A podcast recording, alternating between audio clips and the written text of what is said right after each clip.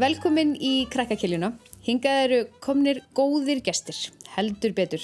Það er bókaormurinn hún Vigdís Una og rithöfundurinn Andri Snær Magnason. Verið velkomin í krakkakiljuna. Takk. Herðu, Vigdís, þú fegst heldur betur skemmtilegt verkefni eða hvað? Hvað fannst þér um söguna af bláa hnettin? Ég hef búin að lesa hana nokkru sinnum, þannig að... Já. Varstu búin að lesa hana nokkur sinnum áður en þú fegst þetta verkefni? Já. Se- Ok, já. Þannig að, en last hana þá svona einu sinni enn, núna? Aðeins er ég við þetta upp. Og hvernig hérna, hvernig myndir þú lýsa þessari bók í þremur orðum? Ég myndi segja raunveruleg, að þetta er svona, þetta gæti alveg gæst í alvöru. Og bara svona bóðskapur og allt það. Og bara skemmtileg. Mm Og hvaða hérna, já, hva, hvað finnst þér um þessi orð? Já, ég, því ég bara mjög myndið það. Já, fýtt dómur. Já, mjög góður. Og það er náttúrulega það sem að reytsvöndur vil gera er, er að lesendur skilji það sem er að hugsa og, og, og ég vil að sagan endist í nokkur ár. Já, og hún er heldur betur búin að gera það. Já, hún er orðin 21 ás þessari. Já, Þannig að kom út á síðustu öld já, á síðustu höld, já. og, uh, og uh, einn síðasta bók síðustu aldar og, uh, Akkurat. og náttúrulega bóðskapurinn á ennþá við í dag, kannski vil ennþá betur Já, því miður. já, Kannski. akkurat. En hver er bóðskapurinn í bókinni? Um, bara hætt að minga. Já, það er bara, Eða svona eiginlega, þetta er ekki bönnunum að kenna þó að það séu lofslagsmál og svona. þannig að lofslagsmálin eru, já, Já. fullorðnum fólki þarf svolítið að gera sig í brók. Mhm. Svona og, já, taka ábyrð. Er það málið? Já. Já. Og við getum kannski gert það bara öll saman kannski. Mhm. Mm. Er eitthvað sem að þú vilt spyrja andrað, sérstaklega svona út í þessu sögu? Hvað varst það, þú veist, hvað varst það að hugsa um þegar þú skrifaði þessa bók? Hvað, hvaða bóðskap ætlaður að setja í? Sko, ég var eiginlega að hugsa um barnabækur að, að, að ég hugsaði að svona þegar maður er í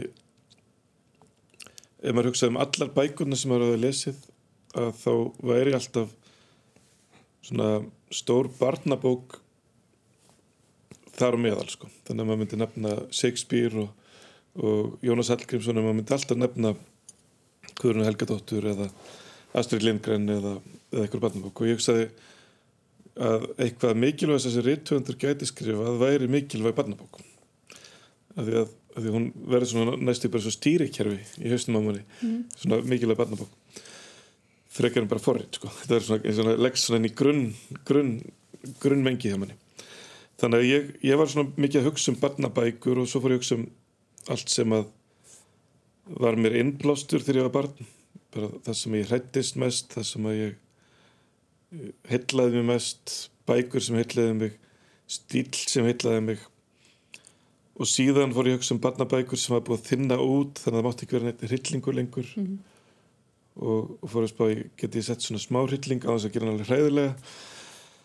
Og þannig ég bara hugsaði um allt sem er þótti vænstum og allt sem er þótti hræðilegt og ég mér bara alla bækurnar sem er þótti bestar og reyndi einhvern veginn að pakka öllum þessum áhrifum saman í eitt verk. Það tókst vel. Já, takk fyrir.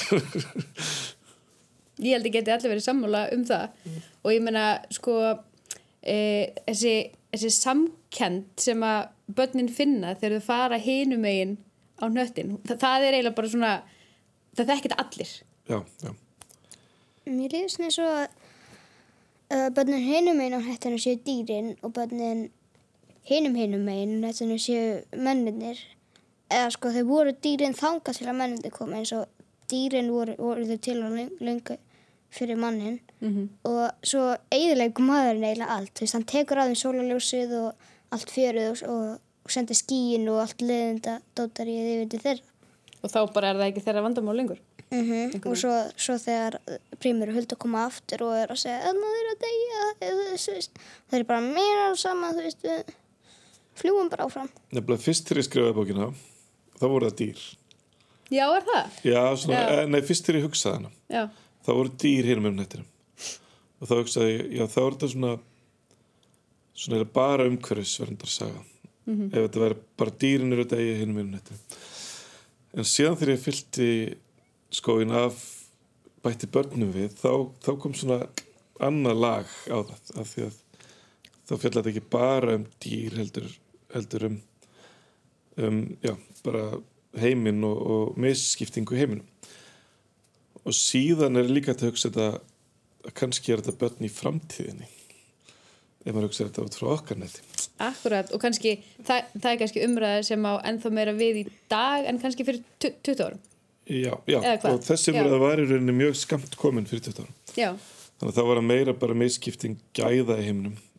Þessi að Mm. einn fekk nóga borða en annars fekk minna borða en núna er þetta miklu meira um áhrif okkar á veðrið og, og lofslagsmálin þannig að núna þannig að það er hægt að skilja bókina þó ég hafi skrifað hennar meitt í, í huga þá er samt hægt að skilja hana sem lofslagsbók núna. Já. Og það kannski er svona það sem að enginn er góða barnabók er að hún eldist með og hún, hún situr ennþá í þeim sem lása hana sem börn og svona poppar reglulega upp kannski svona einmitt í umræðinni Já, og ég hugsaði líka að, að það að setja nagla í sólina getur táknað svo margt. Já, það getur táknað bara eiginginni, það getur táknað sjálfselsku, það getur síðan táknað líka eitthvað á jörðinni og það þannig að þannig að þannig að og núna er gleðuglömmur eins og gleðuglömmur hafi tekið völdin í Ameríku í, í Trump og, og þannig, þannig að hún, hún, hún svona á mjög vel við núna já, akkurat Sko, eiginlega aðalmáli í þessum lofstafsbreytingum, ég er ekki að tala um blálega, ég tala um í alvörinni, það eru peningar af því að ef maður kemur í búð og maður ætlar að kaupa súkulaði, svo kostar súkulaði 500 kall, svona súkulaðstykki. Maður finnst þetta náttúrulega algjört okkur, en það er vegna þess að sá sem á búðin að við fá peninga og það er engin að þú veist, það er allir að breyta náttúruperlum í ferðamannastæða því að þau vilja fá peninga og þeir eru að smiða alvör og, og alls konar svoleiðis að því að þeir vilja peninga. Akkurat, nákvæmlega, þetta eru hápolítist þetta Já, Já, akkurat. En Vigdís, e, fyrir þá sem hafa kannski ekki lesið bókina en langar að lesa, getur þú sagt okkur kannski svona bara í gróðum dráttum um hvað er sagan? Fyrst eru, eru bara, eru þetta bara blæðursnöttur með fullt af villikrökkum á, eða villibötnum og dýrum. Og svo lendir gemskip í fjörunni og í því er maður sem heitir Glaumur en svo, svo kennar þeim að fljúa og, og finnur upp eitthvað galdri efni sem lætur mann ekki þurfa að fara í bað lengur og alls konar svo leiðis fjör. Sleppa við að gera allt sem er leðilegt. Einmitt. Já, og börnin eru náttúrulega rosalega glöð og svo, svo fara þau í flugkeppni og aðalpersonar tvær uh, Brímur og Hulda þeir þarna, fjúka eiginlega yfir á hinn endan á hnettinum og þar sjáðu það því að þau neldu nagla í sólina til að geta alltaf flogið, þá er alltaf dimmt hjá þeim og þau ráku öðna, öll skíin burt af sínum hnetti, þá er bara skíja hjá þeim og ekkert tungsljós og ekkert svo leiðis og þau eru bara allar degi úr hungru kvölda. Og svo hitta þau uh, krakka sem eru að degi úr hungru kvölda. Og þau lána þeim loftbölga því að þau eiginlega ljúa sér til um það að, að, að, að þeirra meginn nettinu sé líka allt dimmt og ræðilegt og svo, þannig að börnin í myrkrinu vorkina þeim svo mikið að þeir lána þeim flugbelg, já, loftbelg og svo fljúa þeir yfir á hinn hnöttin og ætla að, fara, ætla að fara að segja öllum frá þessu og reyna að hjálpa þeim en það hlustar enginn á því og já, við viljum bara halda áfram að hafa gaman. mhm, Mm Svo kannski segja veikt alveg hvernig þetta endar. já, Nei, akkurat. En þetta er, þetta er rosalega stór saga. Og einmitt eins og þú segir hægt að skilja hana kannski á marga vegu og tólkana öðruvísi dag en fyrir 20 árum. En það er náttúrulega búið þýðan yfir á mörg tungumál. Þannig að hún á við bara allstaðar. Já, hún er komin á 30 eða 35 tungumál Já, og leikritið búið að setja upp með þessi Íran og Pakistan já, út um, út um allt ég er búin að sjá það tvisar Ég hef búin að segja tvisar Já. Já, akkurat Og þetta er náttúrulega henda gríðilega vel á svið. Náttúrulega sí- sýningin hér í borgleikusunum var náttúrulega algjörlega Það stórkostleg. var rosa fín, já Ég var ótrúlega með hana, hana þó ég segi sjálfur svo. En, en það var náttúrulega Bergur og Kristjana og allt þetta fólk sem að En hvernig var það? Að sjá bara þetta lifnaði á sviði? Sko, ég náttúrulega skrifaði leikritið sem kom í þjóðleikúsið í kringum 2000 og eitthvað. 2000 og súrkál. Eða svona 2001 held ég eitthvað.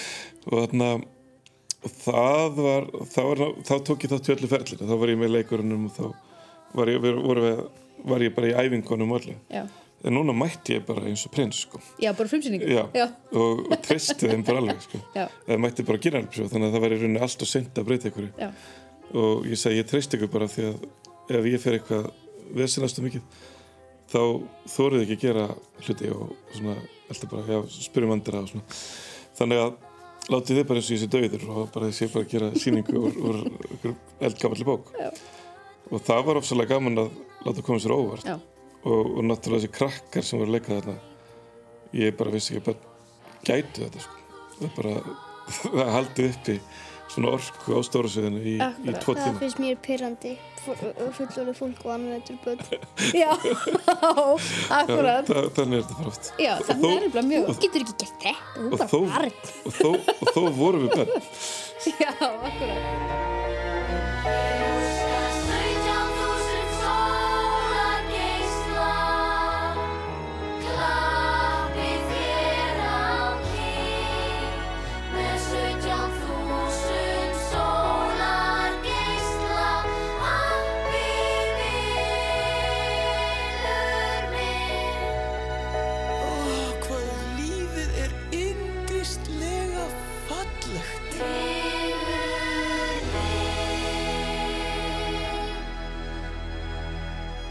Sýningarnir sem eru úti, sem hafa verið settur upp, eru krakkar þar að leika? nei, það er bara oft bara að kalla mig skegg og svona bara Já, já. já. þannig að það, það vil alltaf, jú, í Íran voru það krakkar Já, en annars er þetta bara fullarnir Já. og eins og var í þjóðleikursinni í fyrstu sýningunni Einmitt. þá voru, voru bara leikarar sem leiku börn Mér finnst mjög- til dæmis oft mjög pyrrandi í bíómyndum og það er fullorðir sem leikur ball já, að þau, þau eru svona eiginlega bara, þau kunni ekki að leika börn nei. bara gera grína Já, Eiginlega. Já. Já. En þú hérna, hugsa svolítið mikið um umhverfisvernd, eða ekki? Jú. Já. Þannig að hversu mikilvægt er að, að, hérna, að batnabækur fjalli um umhverfisvernd? Mjög mikilvægt. Já. Af hverju? Eiga krakkar að hafa mikla rákjur á þessu? Ekki áhyggjur en þeir eru, þeir megið samt alveg hjálpa til, sko. Já. Vera meðvituð um... Þau ekki verið, mmm, jörðin er að fara Nei, kannski ekki áhyggjur, en Ég fekk martröð. já, nei, við viljum það nú kannski ekki. En að, að allir séu meðvitaðir, er það, skiptir það máli? Já. Já, akkurat. En þetta er líka, er þetta ekki fyrsta bókin sem fekk íslensku bókmyndavelunin? Jú, Sem barnabók, já, sem sagt. já, Já, já, ég hef sett fyrsta barnabókin sem já, já, akkurat. fekk íslensku bókmynda. Já, það er nú alveg stórkostlegur árangur. Það var mjög gaman og það var alveg svona markmið hjá mér að var að barnabækur ættu vera metnar til jafs við aðra bækur. Já. Það var ekki ómerkilega að skrifa fyrir börn vegna þess að börn væri einmitt sko jafn klári lesendur og, og mikilvægri jafn við lesendur heldur en heldur en flestir aðrir. Já, Mér finnst líka svolítið pyrrandi að ef maður les bók þá er eiginlega alltaf bókin enda vel en fullorðisbækur enda ekkert alltaf vel að því sko bara við getum alveg lesið bækur þar sem, þú veist, aðsögi heitan bara hverfur eða eitthvað já, við förum ekki að fá martræðir sko. Nei, Já, mega þeir enda illa. já, það er mega það en það er náttúrulega best að allt endi vel. Já, Ég var, ég var nefnilega að skrifa barnabók og, og letin enda illa. já, og þarna mjög opinn og vondur endir og, og, og það voru fyrstu bötsi lásið voru svo óvarnað með þetta. Já, voru, já, og þarna þá hefði ég nú alveg samt haft í huga að opna hana aftur sko. En, en síðan sagði ég hversu hver myndi lesa Rómi og Júlíu núna ef þau bara gift sig og orðið það mikið sem ekki staðar á Ítalíu það mamma mía bara eitthvað. Það var aðeins annað. já það var ekki það, stundum verða hlutir að enda illa enda illa til þess að þau séu raunverulegir mm -hmm. því að heimurinn af því endar að ekki það alltaf alltaf Nei. allt illa nei, nei, vel Já, nei, nei. En hérna, það kom ekki til greina að e, halda áfram með ævintýri þessara krakka á bláin hættin. Nei, ég, ég, ég hef ekki hugsað það einu sko. Ég, svona- ég, ég hef ekki fundið neina svona, svona dreymur og hölda heimsækja múmindal. Ég hef ekki, ekki, þarna, ég hef ekki séð svona, hún lokast svo óbúslega vel, sko. Þannig að hún, það er ekkert svona, það, það væri svona eins og láta Rómi og Júlíu gifta sig og, og skrifa sögum það. Já, Þannig að, að, að það, ég, ég hef ekki séð svona, hún, hún er það lokað að ég hef ekki séð möguleik, möguleik að því. nei. En kannski þegar ég verð gammal kall eitthvað þannig, þá finn ég allt í mjög. Já, Er einhverjar fleiri spurningar til andra? Nei, Nei, ef við þá bara byrðum að lesa fyrir okkur smá bút. Það er bara að byrja á bókinni þá. Er það ekki bara? Það hljóma bara mjög vel. Ég les bara það sem ég opnaði. Ok, það er bara hljóma vel. Varg tré vindköld. Í myrkum skógi heyrist vekt hljóð undan runna. Hulda, Hulda, er allt í læg með þig? Brimir þreifaði fyrir sér með höndunum. Hulda, hvar ertu? Ég er hérna, Brimir. Rött hennar bergmálaði í rökkrinu. Þegar augun höfðu vanist myrkrinu svo Brimir hvar Hulda hekki tré. Á ég hjálpa það niður, spurði Brimir. Ég geta sjálf, láttu mig vera, sagði Hulda. Mikið brak heyrðist þegar Hulda steifti út úr trénu. Brimir stumraði yfir henni. Er ekki allt í lægi? Láttu mig vera, þetta var auðvöldast að leiði niður. Brimir þagði en sá að Hulda aði meitt sig. Þau voru stött í skógi en trén voru ber og ólöfguð. Vindur þaut í nögtum greinum. Himinin var þung skíjaður. Hvað var að gera, spyrði Brimir. Við erum tínd. Við? Ætlar alltaf mig? Ég þarf ekkert á þér að halda. Brimir þagði og horfði daburlega á Huldu. En við rötum aldrei í þessu myrkri, sagði Brimir. Ég ætla að býða morgun, sagði Hulda. Ég get flóið heim þegar sólinn sest. Þegar sólinn skín. Hulda setti sundur tré og breytti yfir sig hrú af sölnuðum löfblöðum. Brimir gekk þungum skrefum að öðru tré. Hann nuttaði saman tveim spýtum og kveikti lítið bál í þurrum sprekum. Í bjarmanum sá hann að Hulda skalfur kulda. Viltu orna þér við eldin minn, Hulda? Hún svaraði ekki. Þannig sátuðu og byggði eftir morgninum, Hulda skalf en Brimir satt við eldin. Nóttin var ótrúlega löng. Brimir var glórhungraður en fann enga ávext á trjánum og hverki sá hann einn dýr. Hann sopnaði döð þreyttur. Þegar Brimir vaknaði var sólinn enn ekki komin upp, samt var hann útsofinn. Hann hugsaði dálega stund og var skyndilega náfölur í andliti. Hulda, hvað nú leiðindapúki? Ég held að sólinn kom ekki upp, sagði Brimir daburlega. Voðalertu svart sín, auðvitað kemur sólinn upp.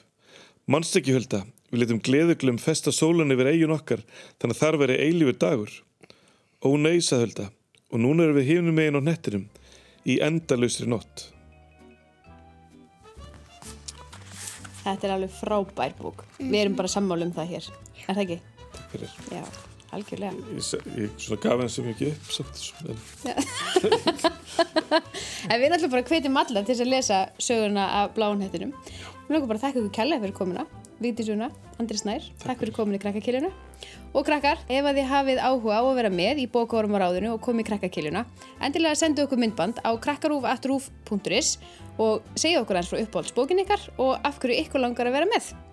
En allar krakkakilunar má svo finna á krakkarúf.is og í krakkarúf appinu. En takk fyrir í dag og sjáumst í næstu viku.